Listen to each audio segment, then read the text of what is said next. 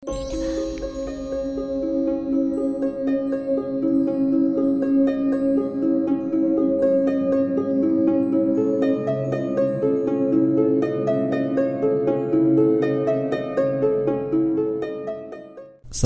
warahmatullahi wabarakatuh. Salam sejahtera untuk kita semua. Kembali lagi saya Denny dari Rumah Horor Indonesia.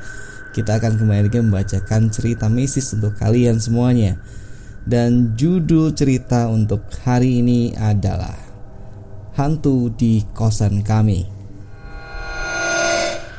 Ini adalah kisah nyata yang kami alami Aku, namanya Yuri Dan dua orang temanku yaitu Rindi dan Sonia kini sedang melaksanakan magang di sebuah perusahaan terkemuka di Pekanbaru. Kami adalah siswi kelas 2 sebuah SMK swasta. Untuk menghemat biaya transport, maka kami mencari kosan yang dekat dengan tempat magang kami. Pada awal kami menempati kamar kos ini, kami tidak merasakan hal-hal aneh yang terjadi. Namun waktu itu ibu kos pernah bilang, entah bercanda atau serius, aku pun tak tahu pasti. Beliau bilang bahwa kosan ini memang ada penunggunya. Karena mengira ibu kos hanya menakut-nakuti kami, maka kami pun tak ambil pusing. Kosan kami sendiri berada di lantai tiga, yaitu lantai paling atas. Lantai pertama ibu kos gunakan sebagai rumah makan, sedangkan lantai dua digunakan sebagai rumah ibu kos. Menurutku lantai dua inilah ruangan yang paling ngeri karena hanya sedikit bagian yang digunakan sebagai kamar sedangkan sebagian besar dibiarkan kosong. Anehnya di situ tertumpuk barang-barang yang entah punya siapa. Waktu itu pernah kami tanyakan pada ibu kos, tapi beliau tidak mau memberitahu. Kamar kos lantai tiga sendiri terdiri dari enam kamar dan hanya tiga kamar yang terisi. Suasana yang gelap membuat kami lumayan degan untuk tinggal sendiri. Namun beberapa bulan berlalu, Akulah yang paling sering tinggal sendiri di kosan saat teman-temanku pulang ke rumah. Dan sejauh itu aku tak pernah merasakan ada hal yang aneh. Kakak kos kami yang kamarnya bersebelahan dengan kami pernah bercerita bahwa di kosan ini sering terjadi penampakan. Pada awalnya kami tak percaya, namun setelah mereka pindah, suasana bertambah sepi dan mengerikan. Dari kamar samping yang kosong, kami sering mendengar sesuatu sedang menggaruk-garuk dinding pembatas yang hanya terbuat dari triplex. Suara garukan itu begitu keras sehingga kami bisa menebak bahwa kuku makhluk itu panjang-panjang. Hal itu sering terjadi tak peduli siang ataupun malam. Puncaknya, kami pun sering ketakutan, apalagi saat hanya kami bertiga di kosan itu. Aku merasa jauh lebih ketakutan saat Sonia menceritakan pengalaman yang menakutkan. Kejadian itu terjadi saat Sonia akan mandi. Kamar mandi itu sendiri lumayan jauh dari kamar kami. Untuk sampai ke sana harus melewati beberapa kamar kosong. Sebelum kejadian ini, dia memang sering mandi malam. Waktu sudah menunjukkan pukul 21.00 saat dia mengambil handuk dan berjalan ke kamar mandi. Di dekat kamar mandi itu terdapat sebuah jendela kaca. Dia bercerita bahwa ia melihat sesosok genderuwo yang menatap tajam ke arahnya lewat jendela itu. Bisa kalian bayangkan seberapa besar dan tingginya makhluk itu hingga kepalanya saja tampak di jendela lantai tiga kamar kami.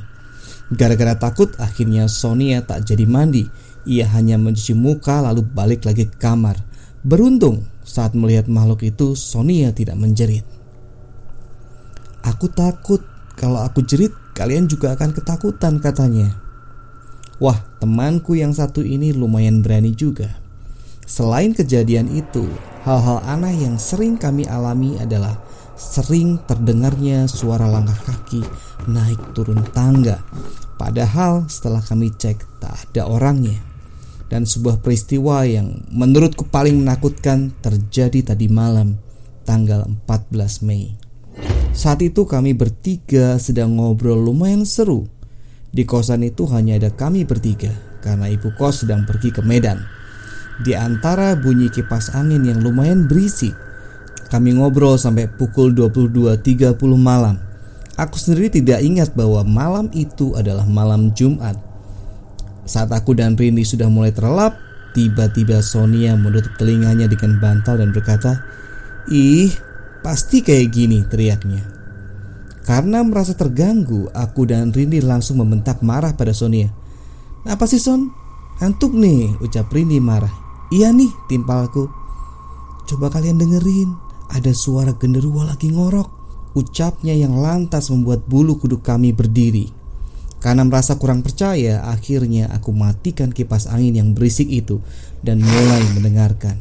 Dan benar saja, entah dari mana asalnya, terdengar suara mengerikan yang membuat kami langsung pelukan. Aduh, gimana nih? Keluhku takut. Akhirnya kipas tadi kembali aku nyalakan agar suara itu tidak begitu terdengar Suara mengerikan itu silih berganti menjadi suara tangis bayi dan wanita. Cukup lama kami dihantui rasa takut. Setelah yakin suara itu sudah tidak ada, yaitu sekitar jam satu malam, maka kami langsung bersepakat untuk segera hengkang dari kosan mengerikan itu. Malam itu juga kami langsung mengemasi barang-barang masing-masing. Kami bertekad akan pergi sepulang dari magang. Kira-kira jam satu lewat, kedua temanku sudah tertidur, sedangkan aku tidak bisa tidur sama sekali. Kembali aku dihantui rasa takut saat tepat di depan kamar kami terdengar gaduh yang datang tiba-tiba entah dari mana. Aku takut banget dan rasanya kepingin bangunin teman-temanku, tapi aku kasihan pada mereka yang baru saja tertidur. Jadilah aku ketakutan seorang diri. Pada pukul 4 pagi akhirnya aku tertidur setelah mengalami peristiwa menakutkan itu. Pagi harinya saat tiba di kantor kami bercerita pada bos kami dan beliau berkata Tadi malam kan malam Jumat Kliwon. Kami baru ingat ternyata tadi malam memang malam Jumat Kliwon. Hari itu aku pulang lebih dulu karena temanku masih ada tugas Aku segera bersiap karena cowokku akan segera menjemput aku Untuk membawaku pergi dari tempat yang sangat angker itu Itulah sekelumit kisah yang kami alami di masa pertama kami jauh dari orang tua. Bagaimanapun, ini adalah sebuah pengalaman yang berharga untuk kami. Nah, teman-teman, segitu cerita kali ini. Terima kasih untuk mendengarkan sampai akhir. Sampai ketemu di cerita berikutnya. Wassalamualaikum warahmatullahi wabarakatuh.